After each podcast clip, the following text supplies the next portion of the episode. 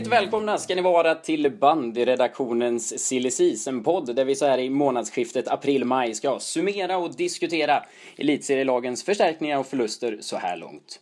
Och i dessa silly season-tider så känns det ju inte mer än rätt att klassa denna podcast som ett nyförvärv för svenska fans. Och de som i detta debutavsnitt ska tycka till om bomber, optionsår, flickvänner på annan ort är från Sverige och Vetlanda-redaktionen Daniel Engström Stensson. Vi har Thomas Paschen ifrån Sandviken-redaktionen och från Villahåll David Björk. Hej på er! Hej, hej. Hej, hej. Ja, det är ju på ditt initiativ Daniel som vi spelar in dagens podcast och då är ju frågan varför sitter vi nu här? Det är väl en kombination av några faktorer. Det ena är väl någon form av abstinens efter att inte, inte få sitta i bandyhörnan och prata så kanske jag har ett behov av att prata av mig lite grann. Eh, Men sen så tänker jag också att det är kul att höra vad, vad ni andra har att säga. Jag sitter ju och smsar med David lite då och då och undrar huruvida Henrik Larsson skulle kunna vara något för Vetlanda och sådär och då tänker jag att då är det väl lika bra att vi, vi sätter oss ner och pratar om det här och om någon annan skulle vara intresserad av att lyssna på det så är ju det också kul. Mm. Och jag måste säga att det är skönt för min del att ha med tre kända experter ifrån bandyhörnan här också. Nu när vi idag ska tycka till om elitserielagens silly season. Och vi ska väl säga att vi kommer ju till stor del kretsa kring våra respektive lag, Sandviken, Vetland och Villa. Men vi har ju för avsikt att eh, gå igenom så mycket vi bara hinner med. Men innan vi drar igång så tänkte jag att vi lite snabbt ska få kommentera årets silly season rent allmänt. Eh, vi har ju en silly season-upplaga där vi sett flera nyckelspelare förlänga sina kontrakt med respektive klubbar samtidigt som ett antal svenskar har kommit hem från spel i öst. Eh, hur skulle du beskriva årets upplaga utav silly season så här långt, Daniel? Um, alltså det jag har tänkt lite på är väl att förra året så såg vi någon form av utjämnande silly season, i, i viss mån i alla fall, där Olof Englund gick från svenska mästarna till nykomlingarna, där Johan Löfstedt gick från Sandviken till Vetlanda, där PG eh, gick från, från Villa till, eh, till Vetlanda och där på något sätt det kanske trycktes ihop lite grann. Eh, I år så känns det väl som att topplagen har ju de är de som har värvat bäst också och eh, bottenlagen framförallt om man tänker eh, Ljusdal och eh, inte minst Gais har ju, har ju förlorat mycket så där är det liksom klyftorna ökar. Medan de då kanske minskar lite mellan den absoluta botten i elitserien och topplagen i allsvenskan som har gjort en som har gjort det bra både, både Gripen och, och eh, Tillberga har ju förstärkt bra och sen så får man väl se Nässjö verkar också få ett hyggligt lag i, i allsvenskan. Så att det, liksom, den, den utjämnande faktorn i år är kanske snarare mellan botten i, i elitserien och toppen i allsvenskan. Det är väl det jag har tänkt mest på. Ja, det som slår mig direkt är väl att det har hänt några som jag tycker ganska oväntade saker. Eh, dels att Patrik Nilsson fortfarande inte har en förening en och en halv månad efter sen han slutade spela. Sen eh, tyvärr då med Åström i Edsbyn som eh, var tvungen att sluta. Och så sen så var det ju lite cirkus här norrut kring Andreas West som var lite spännande att följa. Eh, lite, lite överraskande saker, inte bara rena värvningar. Uh, nej, jag har inte så mycket att tillägga egentligen än vad eh, föregående talare, två talare har sagt. Uh, några, några oväntade och uh, som Thomas sa. Men i övrigt kanske inte de här riktigt spektakulära värvningarna har, har kommit. Liksom de, många, många som, som har spelat i öst valde att stanna där eh, ganska tidigt. Eh, Helmich och Berlin och, och så Men, vidare. Så att eh, Precis. De, de allra största, om man tänker att Helmich och Berlin ändå är de, eh, de två bästa, de har ju valt att stanna där. Men om man tittar på de som har vänt hem så är det ju, det är ju bra spelare, alltså i Mossberg och eh, Linus Pettersson och Hasse Andersson och Robin Sundin och Kalle Spjut. eh, Så bra spelare som, eh, som vänder hem. eh, Men som då också i de flesta fallen kommer just till, till topplag. Och till, till de topplag de tidigare har spelat i också. Ja, precis. Ja, men det, så är det ju. Det är ju, det är ju någonting som jag har funderat också på att det är ändå det, är, det verkar inte vara så himla lätt att värva spelare i, Eh, i elitserien. Alltså, spelare stannar gärna. Alltså om man tittar på en sån som Andreas West. Nu vet jag inte exakt varför han väljer att, att stanna kvar i Bollnäs, men eh, det, det hade ju inte varit konstigt om han hade valt att gå till en klubb med, med bättre förutsättningar, både rent sportsligt ekonomiskt eh, och bättre chans att få spela, spela bandy lite längre på säsongen och få vara med och spela de här största matcherna. Ja, och få ta sitt SM-guld, om inte annat. Ja. Ja, vi nämnde ju där eh, Linus Pettersson som idag offentliggjordes eh, av eh, Sandviken där. Thomas, hur känns det att ha lusen tillbaka i en S-märkt tröja nästa säsong? Ja, det känns ju betydligt bättre än att han skulle ha spelat i något annat svenskt lag. Eh, Linus är ju en fantastisk bandyspelare som han kommer ju att kliva in och styra i Sykes försvar. Nu gick det ju bra ändå i år men eh, släppte in enormt med mål. Eh, så jag tror att han kommer att spela eh, Libro och så kommer de att formera styrkorna därifrån eh, och någon av backarna kommer att få, få ta en annan position. ja och det funderade jag på idag lite bara. Vem är det? Är det Mikael Nilsson eller är det Rasmus Forslund som får flytta upp, tror du? Ja, Micke Nilsson var ju jättebra när han spelade defensiv mittfältare för några år sedan. Eh, den säsongen som det var SAIK Villa i i final. Eh, han gjorde ju en jättebra insats som städgumma på mittfältet och det är väl det som kanske kommer att saknas nu när Johan Östblom eh, valde Ryssland. Så jag tror att det kommer att bli Micke Nilsson på mittfältet. Sen vet vi ju inte riktigt hur, hur statusen är med Micke Nilssons lår. Eh, efter skadan i kvartsfinalen. Så att han har han har, han har ju en bit kvar. Han har en bit kvar tills han är i samma slag som han var före skadan. Det, så är det ju. Jag tänkte precis säga att det är lite spännande med, med om man tittar på eh, spelarsituationen i just Sandviken och Villa. Vad fruktansvärt mycket försvarare det finns överallt helt plötsligt. Eh, ja. Det, det är lite liksom det, det, stora lyxproblemet är vem ska spela Libro och, och vem ska man vem ska få stå utanför laget liksom? Ja, i Sandvikens fall så brukar det aldrig vara någon som står utanför laget. SAIK har ju en liten trupp med seniorer och så har det ju varit i många år och så fyller man på med, med ungdomsspelare. Så att eh, eh det blir omskolning som gäller här, inte, inte läktaren. Jag ska bromsa David också vad gällande Villa lite, för vi kommer få anledning att återkomma till det. Men jag tänkte istället fråga Thomas lite hur det, vad som händer bromsa, här nu med Kristoffer Edlund och Sävs... vad händer med Edlund och Sävström, Thomas? Eh, som det verkar så har ju båda att fundera på eh, ett varsitt kontraktsförslag och Kristoffer eh, är väl den som, har, som ligger närmast att, att välja att flytta. Men det är ju faktorer som, som spelar in både avstånd, eh, pengar naturligtvis, familjesituation och eh, ja, eftersom de tvekar så här länge så känns det som att eh, det är nog väldigt osäkert. Så jag, jag vet faktiskt inte. Det, eh, det sägs ju inte så mycket. Det, det dröjde ju ända till framåt halv tolv idag innan jag visste vem som skulle presenteras på presskonferensen. Så att, SAIK är bra på mörka. Ja, och Daniel, du trodde på Sami Lakkonen, eh, skrev du ett mejl till mig här. Ja, jag, jag tänkte ju att det skulle vara... Ja, men så här, om nu Krille väljer att, att sticka till Ryssland så känns det väl ändå som att Sandviken gärna skulle ha in en anfallare till. Ehm, och eh, om det då inte skulle vara Patrik Nilsson som är denna ersättaren så skulle det vara någon annan eh, landslagsman. Eh, och då tänkte jag, ja varför inte Samuel Lakkonen som ju inte heller har något SM-guld och kanske skulle tycka, tycka det var kul om man kan sy ihop en lösning med, alltså så långt är det ju inte över, över vattnet eh, till Finland där så att man skulle hitta någon lösning så. Men eh, så var det ju inte. Eh, men, men, men det är ju också där med SAIK att eh, man, eh, när man värvade Hjelman ifrån Kalix då kändes det ju som en, okej, okay, det gör man ju för att Sävström sticker. Eh, Men om han stannar kvar så blir det ju väldigt intressant.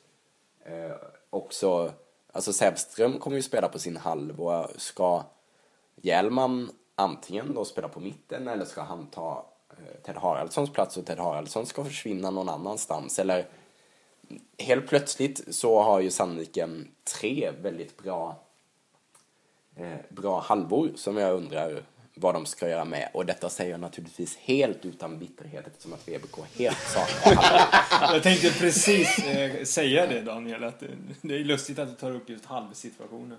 Ja, Eh, Jag, jag tror ju i så fall att det är Haraldsson som kommer att spela på mittfältet.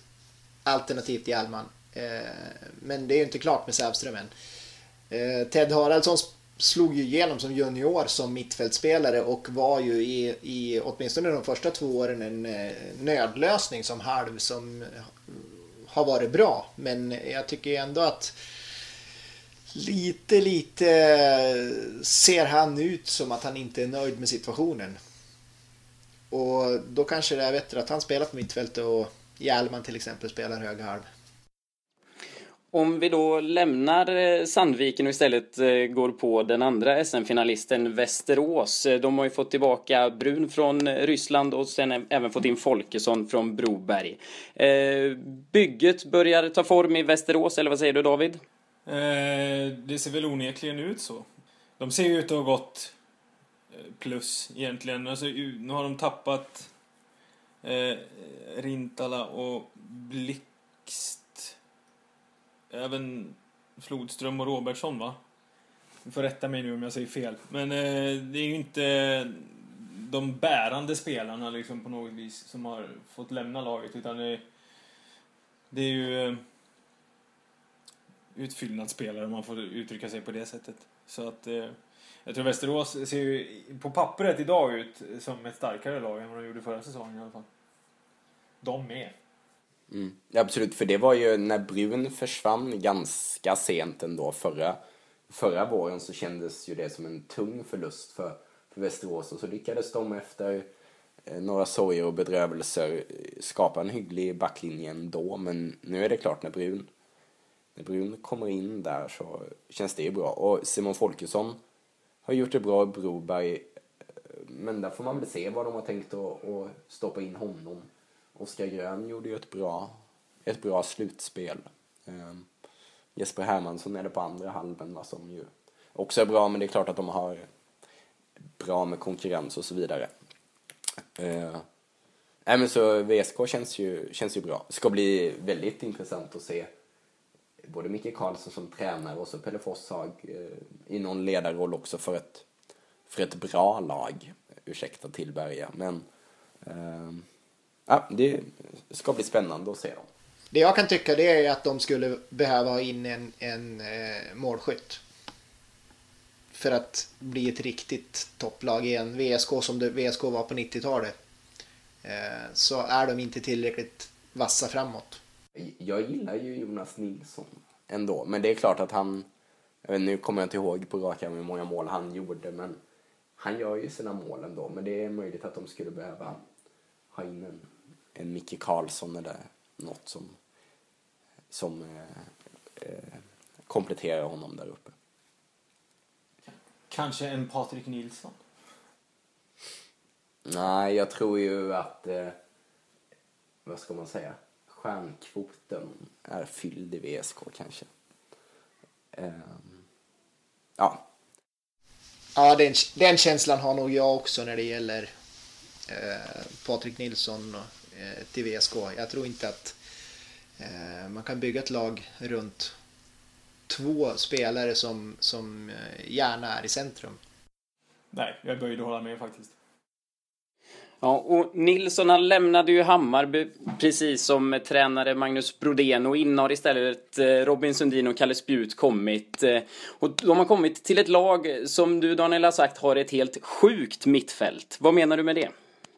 Jo, att om jag skulle ta ut ett Hammarby mittfält eh, idag med liksom då två, två defensiva, två offensiva och så två halvor så skulle Jesper Jonsson inte ta plats på det mittfältet. Utan det skulle då eh, vara Sundin och Pelle Einarsson på varsin halv och så har man Exet och Uffe Einarsson på mitten och så har man eh, Pizzoni Elving och Gilliam.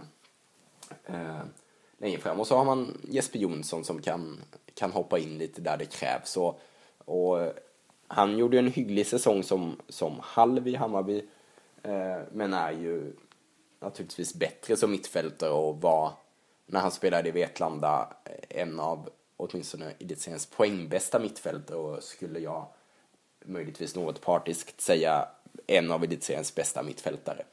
Eh, så det blir intressant att se hur de, hur de tänker där. De måste ju de måste ge honom hyggligt med speltid för att han inte ska, ska tröttna och han ska väl på sikt ersätta exet då, Uffe. Men de hittar väl någon bra lösning på det säkert. Tittar man på Hammarby så, så känner jag att någon eh, spelare där kommer att behöva skolas om. De behöver väl kanske också stärka lite på forwardsidan så att eh, det är väl lite omöjligt att en spelare som Gillian blir eh, renodlad eh, toppforward. Ja, precis. Jag tror... Jag skulle tro att det blir eh, Kumpoja och Spjut som eh, byter som spets och sen så har man ju eh, Enander bytte ju där upp eh, också en del. Det är ju alltid där, det är omöjligt att definiera de där som spelar offensiva mittfältare eller anfallare, hur man nu, hur man nu ser på dem. Men, men de har ju ett, ett bra lag. Det verkar ju vara lite synd om, om det nu är så att Anders Persson inte tycker det är så kul att spela back så ser han ju onekligen ut att få spela back en säsong till. Men eh, Hammarby har väl i, eh, i likhet med VSK det problemet då, eh, nu när man har låtit Nilsson gå. Att man inte har den där 50-60 målsskytten liksom som Edlund eller eh, David Karlsson eh, längst fram som, eh, som oavsett eh, eh dagsform eh, alltid gör ett par mål. Det är, en otrolig, det är en otrolig trygghet för ett lag att ha spelare som, som gör många mål och som gör enkla mål så att man inte måste jobba så fruktansvärt för att få målchanserna. Eh, det tycker jag var Hammarbys största problem i slutet av säsongen, både mot Vetlanda och, och Västerås, att de var tvungna att kriga med hela laget för att komma till målchanser. Samtidigt som man ju man inte vet, alltså Marcus Kumpoja hade ju en tung inledning. Mm, var ju sen väldigt bra efter VM-uppehållet när, när han faktiskt fick lite speltid. Och, eh, kan Mischa Paskin göra eh, ganska mycket mål. Eh, med, med de spelarna bakom sig så, så tror jag att Kumpaja också skulle kunna göra det. Så att det, det är klart, Patrik Nilsson gör mer mål än Kumpaja, men jag tror att de... Ja, jag tycker att eh, Hammarby liksom de andra eh, tre lagen där uppe, eh, alltså med Villa inräknat, ser ju otäckt bra ut. Ja, ja, jag skulle säga också var att man såg ju för övrigt hur det gick förra gången för Hammarby när Patrik Nilsson lämnade laget. Eh, så att, eh, ja, man ska väl inte säga för mycket heller. Det kan ju vara så att eh, det är ett gäng spelare som inte bara är en sån som som Kumpoja som kliver fram när, när Nilsson inte är kvar längre. Med utelag kan man ju heller aldrig räkna bort att det faktiskt spelar roll vad det blir för vinter. En, en, en, bra vinter så kommer ju Hammarby vara bättre än om det blir en, en vinter som den vi hade. Det är nog mycket troligt. Och med det sagt så eh, tror jag att vi tar och går vidare till Villa. Eh, där trotjänarna Hellman och Larsson lämnar och in har istället Martin Andreasson från Gais kommit och en ny tränare i form av Johan Sixtensson. Men eh, frågan vi alla ställer oss, vart är bomben David? Ja, ja, jag vet inte. Vi fick ju ett eh, sms där, du och jag, eh, där det i princip var klart eh, med Robin Sundin, men Chi fick man. Jag vet inte du, det, det, verkar inte bli någon bomb. Det verkar inte, det, det, har varit, det har väl präglat hela den här season om man ser ur mitt perspektiv. Att det har varit en enda stor lång väntan på absolut ingenting. Martin Andreasson, eh, all respekt liksom. Det är ju verkligen, eh, men som vi var inne på, hur många försvarare behövs egentligen? Det, det, var inte, det var inte, det var inte det namnet jag hade skrivit högst upp på min önskelista om man säger så. Vilket namn hade du skrivit högst upp då? Jag hade skrivit eh, Daniel Berlin, tror jag. Eller eh, Johan Esplund. Nu vet jag att eh, Esplund var definitivt inte aktuell därför han hade kontrakt. Och eh, Villa ägnar sig inte åt att kontakta spelare under kontrakt. Så det var aldrig ens eh, nära. Så vitt jag förstår det. Du Thomas då som har eh, fått se Villa när vi möttes här under slutspelet eh, i tre matcher där. Vad, vad, vad säger du om Villas silly season? Har de förstärkt på rätt sätt utifrån det du har sett? Uh, nu får jag, jag får hjärtklappning när jag tänker på den här semifinalserien. För närmare än så där går det ju liksom inte att vara. Det, var, det handlar om två sadden och en slutsekunder. Och så blev det uddamålsvinst i alla matcherna. Eh, jag tyckte ju Villa var lite otaktiska. Eh, om jag ska eh, snabbanalysera bakåt någon månad här. Eh, de offrade enormt med energi på att eh, ligga högt på SAIK och SAIK fortsatte att spela hela tiden. Jag vet inte, eh, det kanske är eh, det bästa nyförvärvet kanske är på sidan om man byter taktik och spelar ett annat försvarsspel. För i slutet av alla matcherna så var ju Villa trötta, fantastiskt trötta. Och det tror jag berodde på att man spelade oekonomiskt försvarsspel. Sen om man behöver ha en till spelare som helst spelar libero Eh, den diskussion får man väl ta med Martin Johansson och Daniel, Daniel Lenbom då. Men är det så att Martin Johansson helst spelar libero? Det tror jag. Eh, det kan man nog slå fast. Okej. Okay. Och Lenbom också. Ja, definitivt. Ja. Där är ju Martin Andreasson i alla fall eh, tydligt uttalat sig att han lägger ingen prestige i det där överhuvudtaget. Han spelar där han, där han blir placerad så att säga. Men alltså, eh, Villa, Villa har ju samma spelidé egentligen som SAIK har. Eh, se till att göra tillräckligt mycket mål så gör det ingenting om man släpper in mycket mål. Så att, eh, där någonstans så måste man ju börja eh, ja, välja sina prioriteringar. Eh, ska man spela extremt offensivt så kommer man att släppa in mycket mål och då, då behöver man ju göra någonting åt sitt försvarsarbete. Det gäller ju båda lagen. Absolut. Sen var ju Villas, Villas försvarsspel eh, var ju i början av eh, säsongen eh, efter sju sorger och åtta bedrövelser liksom eh, inte värt vatten. Men sen så ryckte de ju faktiskt upp sig någonstans kring jul och jag, när jag såg dem på annandagen mot Vänersborg så det var i och för sig Vänersborg saknade en del viktiga spelare i den matchen men de skapade verkligen ingenting på Villa. Det var det var fullständigt bomtätt i, i, i bak där. Eh, så att de gjorde ju ändå... Ju längre säsongen gick eh, så spelade ju försvaret upp sig. Eh, betänkligt. Mm. Det jag har funderat på vad gäller Villa är väl mittfältet. Eh, där... Alltså jag förstår att du gärna ville ha Jo, det var därför Berlin. jag hade skrivit sånt ja. som Berlin högst upp. Ja, eh, därför att... Alltså det jag kände var lite Villas problem. Jag tror inte att det är backlinjen eh, som är ett problem liksom, i att det skulle vara för dåliga spelare där. Men om man tittar på liksom, kvaliteten så känns det ju som att de två defensiva inne mittfältarna, de har inte, de har inte riktigt hållit nu.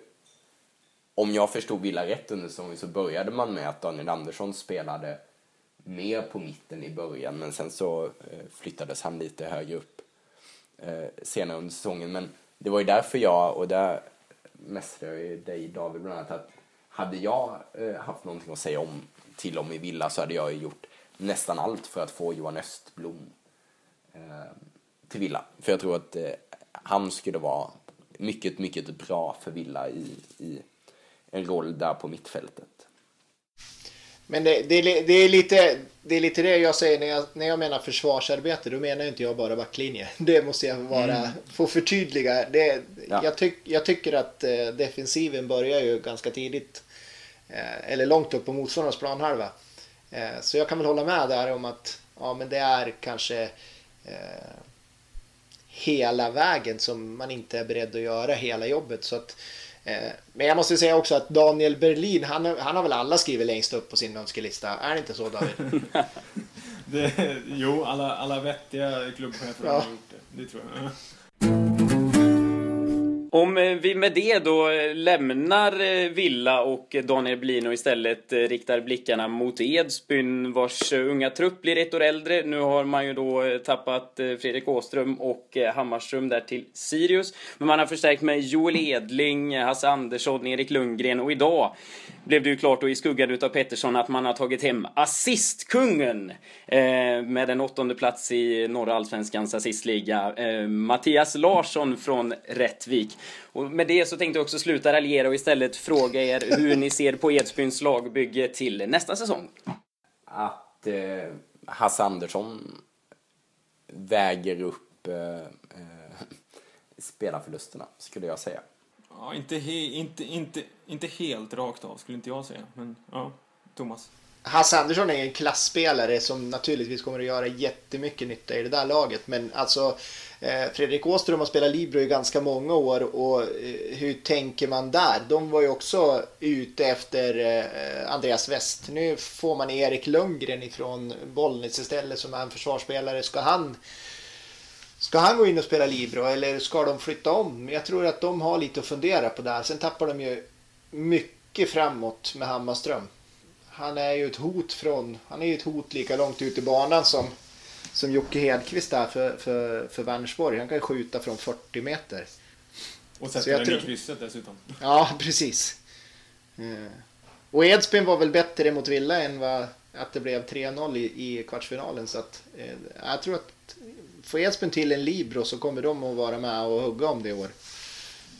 Det ska bli spännande att se eh, Joel Edling också. Eh, som ju gör, nu ser jag ju inte Broberg så jättemånga gånger på en säsong men eh, han syns ju mycket i poängprotokollet i alla fall. Eh, han slog in hörnerna från båda sidorna. Okej. Okay, ja. ja, det är ett bra sätt att få poäng. Ja, det, så är det. Ja, nej men jag tror också, jag, jag tror att Edsbyn, Edsbyn känns också som att, eh, som du var inne på Rasmus, de blir ju, eh, de blir äldre på ett bra sätt eh, och har ju varit duktiga på att få in, att spela in sina juniorer också. Så jag tror att, jag, jag skulle nog ändå säga att Edsbyn är ändå, eh, ändå bättre än förra året. Ja, jag, jag med. Men det är precis som, som Thomas säger, om, om de får till en, en, en stabil libero, För det är ändå en ytterst känslig position på, på plan. Ja, och eh, innan vi lämnar Edsbyn så vill jag bara förtydliga det där epitetet assistkungen. Det var ingenting jag hade satt utan det var bandypuls.se som hade satt det på Mattias Larsson. Men vi lämnar någon som kom på 26 plats i norra allsvenskans poängliga och går istället vidare till Vetlanda och konstaterar att det blev en halv till slut. Daniel? Ja, eh, Robin Folkesson från Örebro.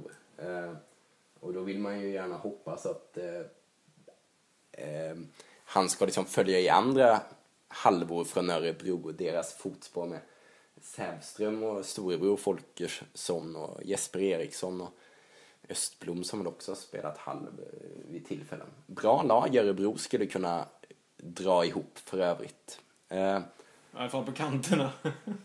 eh, ja, precis. Får börja spela 4-4-2 eller någonting på plats med alla.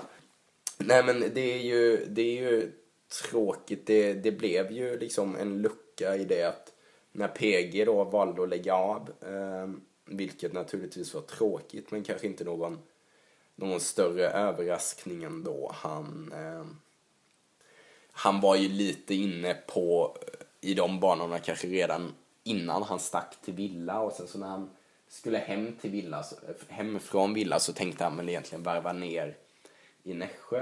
Eh, men sen så eh, liksom värvade VBK eh, Johan Löfstedt och, och liksom gjorde någon form av satsning och då tyckte han att det vore kul att, att hänga på. Men, men nu kände han väl att motivationen inte räckte till längre och, och la därför av, även om det väl inte är osannolikt att han dyker upp i Nässjö eh, framåt hösten skulle jag, skulle jag gissa. Nej, men då försvann han och så försvann Darren Richardson som även han flyttade för att han inte tyckte det var så himla roligt. Eh, helt enkelt, han tyckte inte det var kul att spela halv.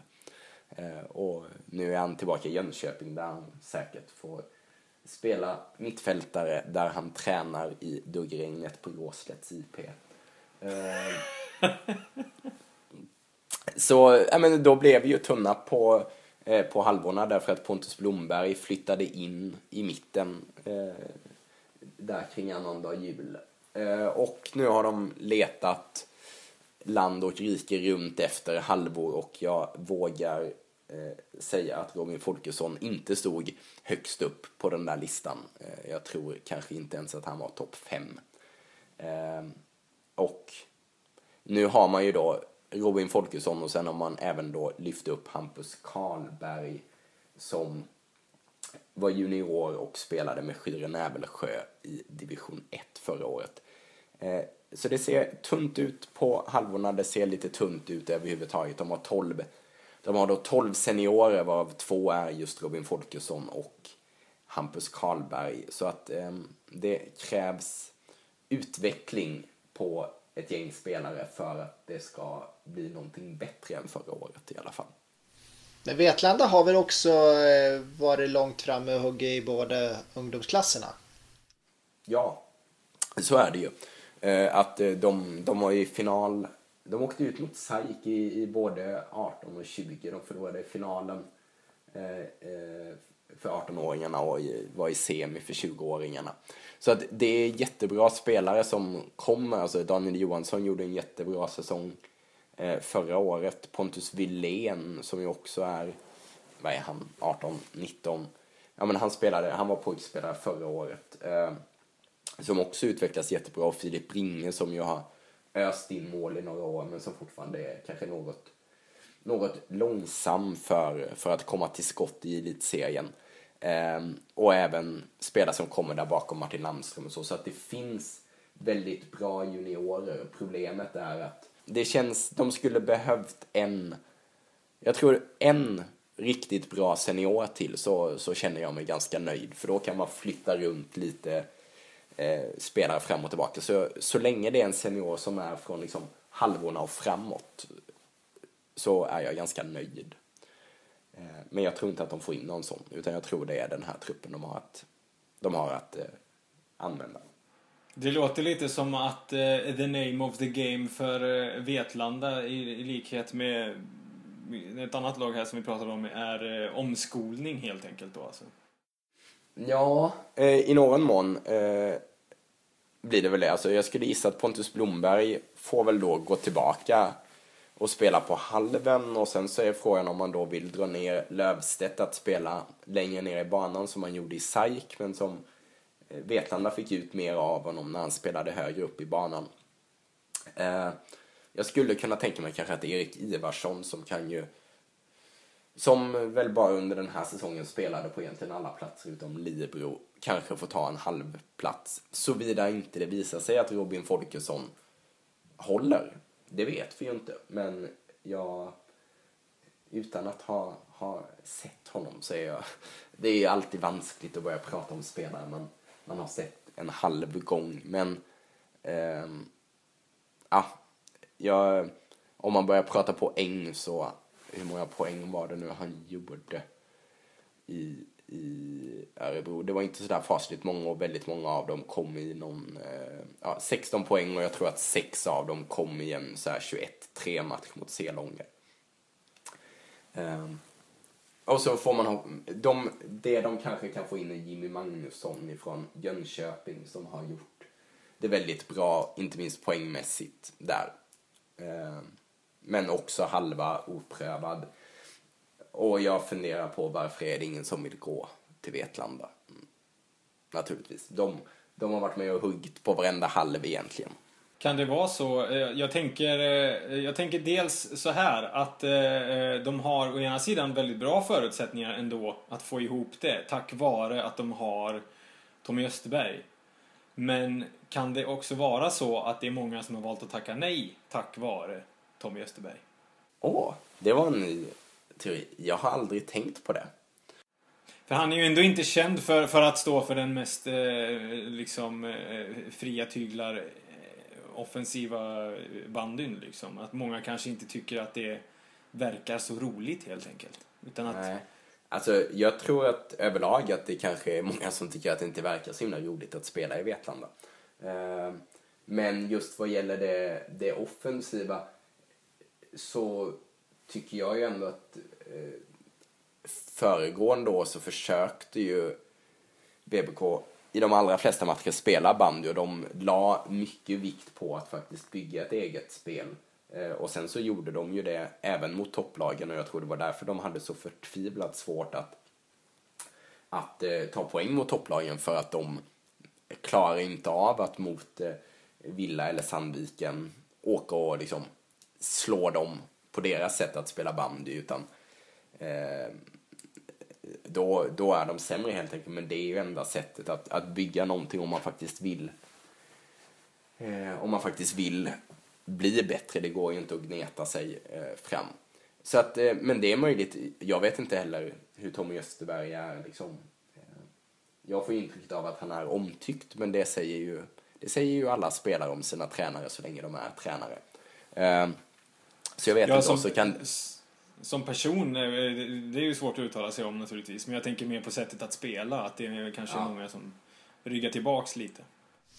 Det var, inte, det var ju inte bara positivt när han var, eller offensivt när han var tränare i Kungälv. Nej, verkligen inte. Eh, verkligen inte. Men det har han ju, eh, så som han har förklarat det, då är ju lite att han, han sa att det här är första gången han har, han förfogar över ett, eh, Eh, liksom både spelarmaterial och förutsättningar med hallen som gör att han känner sig bekväm med att liksom, eh, bygga ett offensivt spel. Ehm, och, och det tycker jag ändå att han har gjort, men det är möjligt att det där ryktet eh, får han kanske dras med ett tag till. Men jag tycker nog att förra årets Vetlanda var, var det mest offensiva på, på ganska länge. Jag kan inte riktigt komma ihåg. När Jo, de- men det, det håller jag med om, definitivt. Eh, De var ju i, i långa stunder bra mycket bättre än Hammarby i kvartsfinalen till exempel. Så att, både offensivt och defensivt. Ja. Eh, men, men sen är det ju sådana där saker som Jakob Genefelt var ju en spelare som man tänkte han borde nog kunna gå till Vetlanda men så liksom, har han en, en flickvän i Stockholm och så eh, kanske det inte bara därför men så blev det Sirius i alla fall då. Jens Blixt ville eh, gå till Tillberga istället.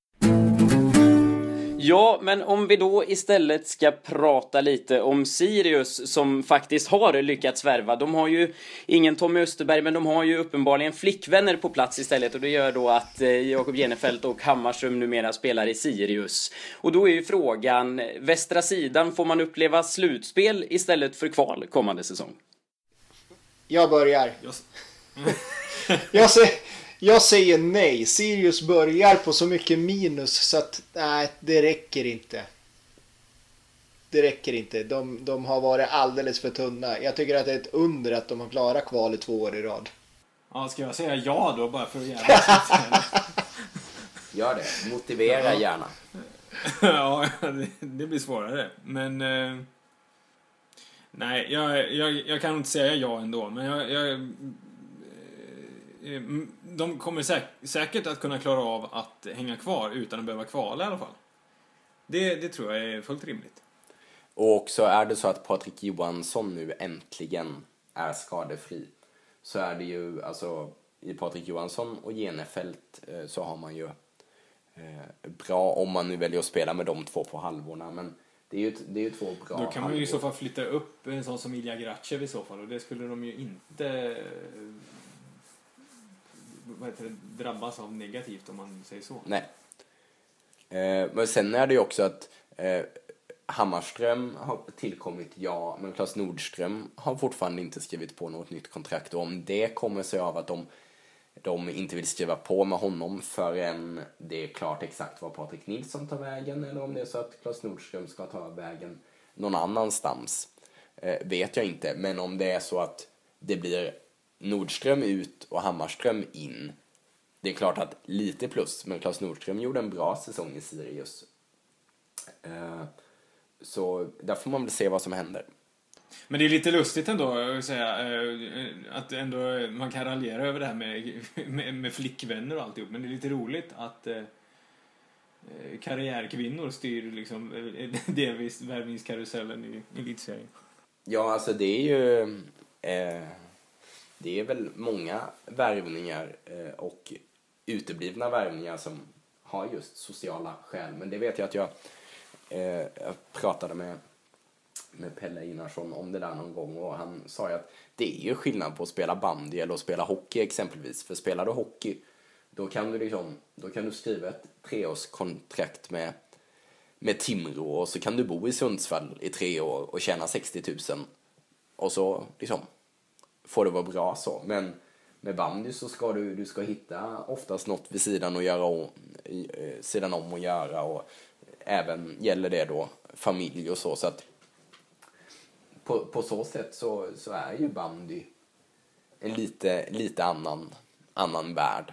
Och för att spela på det där då så kommer jag tillbaka till Darren Richardson som helt enkelt väljer att inte spela kvar i VBK för att han inte tycker det var roligt att spela halv eller back utan vill spela på mittfältet, inser att det finns för många, att han inte kommer ta en plats på mittfältet i Vetlanda. Och sa någonting om att eh, de hade sagt åt honom att du klarar ju jättebra att spela halv. Men eh, sa ungefär då att nej men jag vill inte klara mig, jag vill, jag vill ha kul. Jag började spela bandy när, så sent och jag vill ha kul när jag spelar bandy. Och jag gillar inställningen. Men det är också lite typiskt bandy kanske, på gott och ont. Och när vi ändå är inne på familj och boende och social situation så kanske det är dags att gå över till några som just nu håller på att se över just huset. Och det är väl Bollnäs då som har målsättningen slutspel. Men frågan är om man överhuvudtaget får ihop en elitserietrupp. Vad, vad säger vi om Bollnäs lagbygge eller snarare bristen på detsamma? Att vi kommer väl få ett eh, svar på frågan om det är så att Bollnäs underpresterade så väldigt förra säsongen som många vill ha det till eller om det är så att eh, Bollnäs helt enkelt inte, inte är så mycket bättre. Nu, eh, nu kommer de, får väl se vad som, vad som händer, men de, de blir väl kanske inte så väldigt mycket svagare än, än förra året. Vi får se. Men de får ju heller inte några förstärkningar. Så att det är lite som för många andra lag. Lyckas de, lyckas de utveckla det de har eller få det de har att prestera på max så ja, varför inte? Men jag är inte helt övertygad om att Bollnäs underpresterade så väldigt mycket förra året som åtminstone eh, en klick bollnäsare som jag läser och hör verkar vilja göra gällande. Men sen får man väl säga... För... Ja, förlåt. Det här fortsätter David. Jag skulle bara säga att de har väl redan stått för sin säsongs största prestation i och med att de har lyckats behålla så pass många spelare som de har gjort ändå. De borde ju klappa varandra i ryggen och skåla i champagne redan nu tycker jag på något vis, nästan. Ja, hade inte Andreas West stannat då hade det varit slut med elitbanden i Bollnäs. Så, eh, så ser jag det. Eh, det var ju kanske det viktigaste eh, som har hänt i den föreningen. Kanske det viktigaste som har hänt i den kommunen. Det är hade... stora ord du tar. Ja, men alltså hade, om man har sett hur de har spelat de senaste åren så har ju Andreas West varit både eh, försvarsgeneral och så sen har han klivit upp här. Jag, blev han tvåa eller någonting i deras skytteliga? Eh, jag, är inte riktigt säker på det, men han är ju en fantastisk bandyspelare och, och det var inte många sådana kvar i Bollnäs efter sen de förlorade andra semifinalen på raken. Eh, de har ju tappat konstant sen dess. Ja, tiden eh, går ju som bekant fort och vi börjar närma oss slutet av den här podcasten och därmed tänkte jag även ge er kanske den eh, svåraste uppgiften här för dagen och det är nämligen att eh, kort och koncist berätta för mig här var följande spelare kommer att hamna och varför. Så att vi ger oss i kast med detta. Jag säger Patrik Nilsson och frågar dig först Thomas. Uh, tack. Eh, jag, tr jag, tror att Patrik Nilsson kommer att hamna någonstans där han får träna och spela inomhus för att eh, han har haft mycket konstiga skador eh, när han har spelat utomhus. Så att det är nog prio ett. Eh, jag vet faktiskt inte. Eh, sitter han iskallt och väntar på att Kristoffer Edlund ska flytta till Ryssland och han ska få ett samtal från Sandviken? Jag vet inte. Daniel? Eh, jag säger Edsbyn. David? Jag säger Sirius. Mm. Kort och koncist. Eh, Claes Nordström, samma ordning. Eh, Claes Nordström kommer att hamna, eh, antingen blir han kvar i Sirius eller också kommer han hamna hos någon av eh, allsvenska klubbarna som satsar hårdast. Jag tror att han blir kvar i Sirius eftersom att Patrik Nilsson inte hamnar i Sirius. Ja. Eh, det här var verkligen på uppstuds. Det har jag inte funderat på överhuvudtaget. Jag visste inte ens om att han var kontraktslös. Så... Eh, eh, eh, ja. Broberg säger jag då. Ja, det säger du där ja. Då säger jag istället Sami Lakkonen. Eh, ja, fram tills för några timmar sedan när eh, Daniel började spekulera om han var på väg till Sandviken så hade jag ingen aning om att han var på väg någonstans överhuvudtaget. Han kommer nog att spela i Finland. Eh, jag tänkte eh, säga Ryssland, men sen så såg jag nu att Kalix som ju idag eh, har värvat Antti Ekman, ytterligare en halv, eh, som går någon annanstans. Eh, så tänk, och så utlovade då Kalix att de ska värva någonting mer än Mr X. Så då tänkte jag att kan Sam Lakonen spela i Kalix? Nej, det tror jag inte. Så då säger jag Ryssland ändå. Och jag säger också i Finland. Någonstans. Då ska inte jag pressa er mer än att ställa en sista där då, Mischa Parskin. Ja. Eh, Hammarby. Jag säger, utan att ha någon koll så säger jag Gripen. Ja, då säger jag Ryssland. Kan vi inte fråga också var Andreas Eriksson hamnar någonstans? Jo, det får, ni- det får jag också. Då säger jag också då Andreas Eriksson. Eh, Andreas Eriksson har ju varit ganska uppskriven i vissa kommentatorsfält i, här på Svenska fans. Så att, eh, ja, Dynamo Kanske- Moskva. ja, eh, Dynamo Moskva eller Sorki. Nej, all respekt för Andreas Eriksson. Nej, jag, eh, jag vet inte. Tyvärr. Ingen åsikt. Eh, nu har jag redan satt Mischa Parskin i, i Gripen. Eh, nej men han kanske är den där Kalix Mix Mr X. Jag säger Kalix då. Ja, jag säger också Kalix. Fast någonstans så måste ju någon börja tycka att Guys ska värva också. Ja, men vem, vem vill spela där? Alltså, det är lite det där som vi var inne på, eh, Patrik Nilsson, eh, att spela in, träna, eh, spela inomhus. Alltså, Ja. Det finns utomhus och så finns det utomhus och sen finns det Heden i Göteborg. Ja, Ja, och också rörig, alltså inte heller veta om man har en tränare. Nej. Och tappat, tappat Andreasson. Eh, det ser ju det ser tungt ut för Gais. Eh, även om att de fick behålla Jakob Bucht hade jag kanske inte tänkt. Jag tänkte att han skulle gå till Vetlanda kanske. Eller något. Men det gjorde han inte.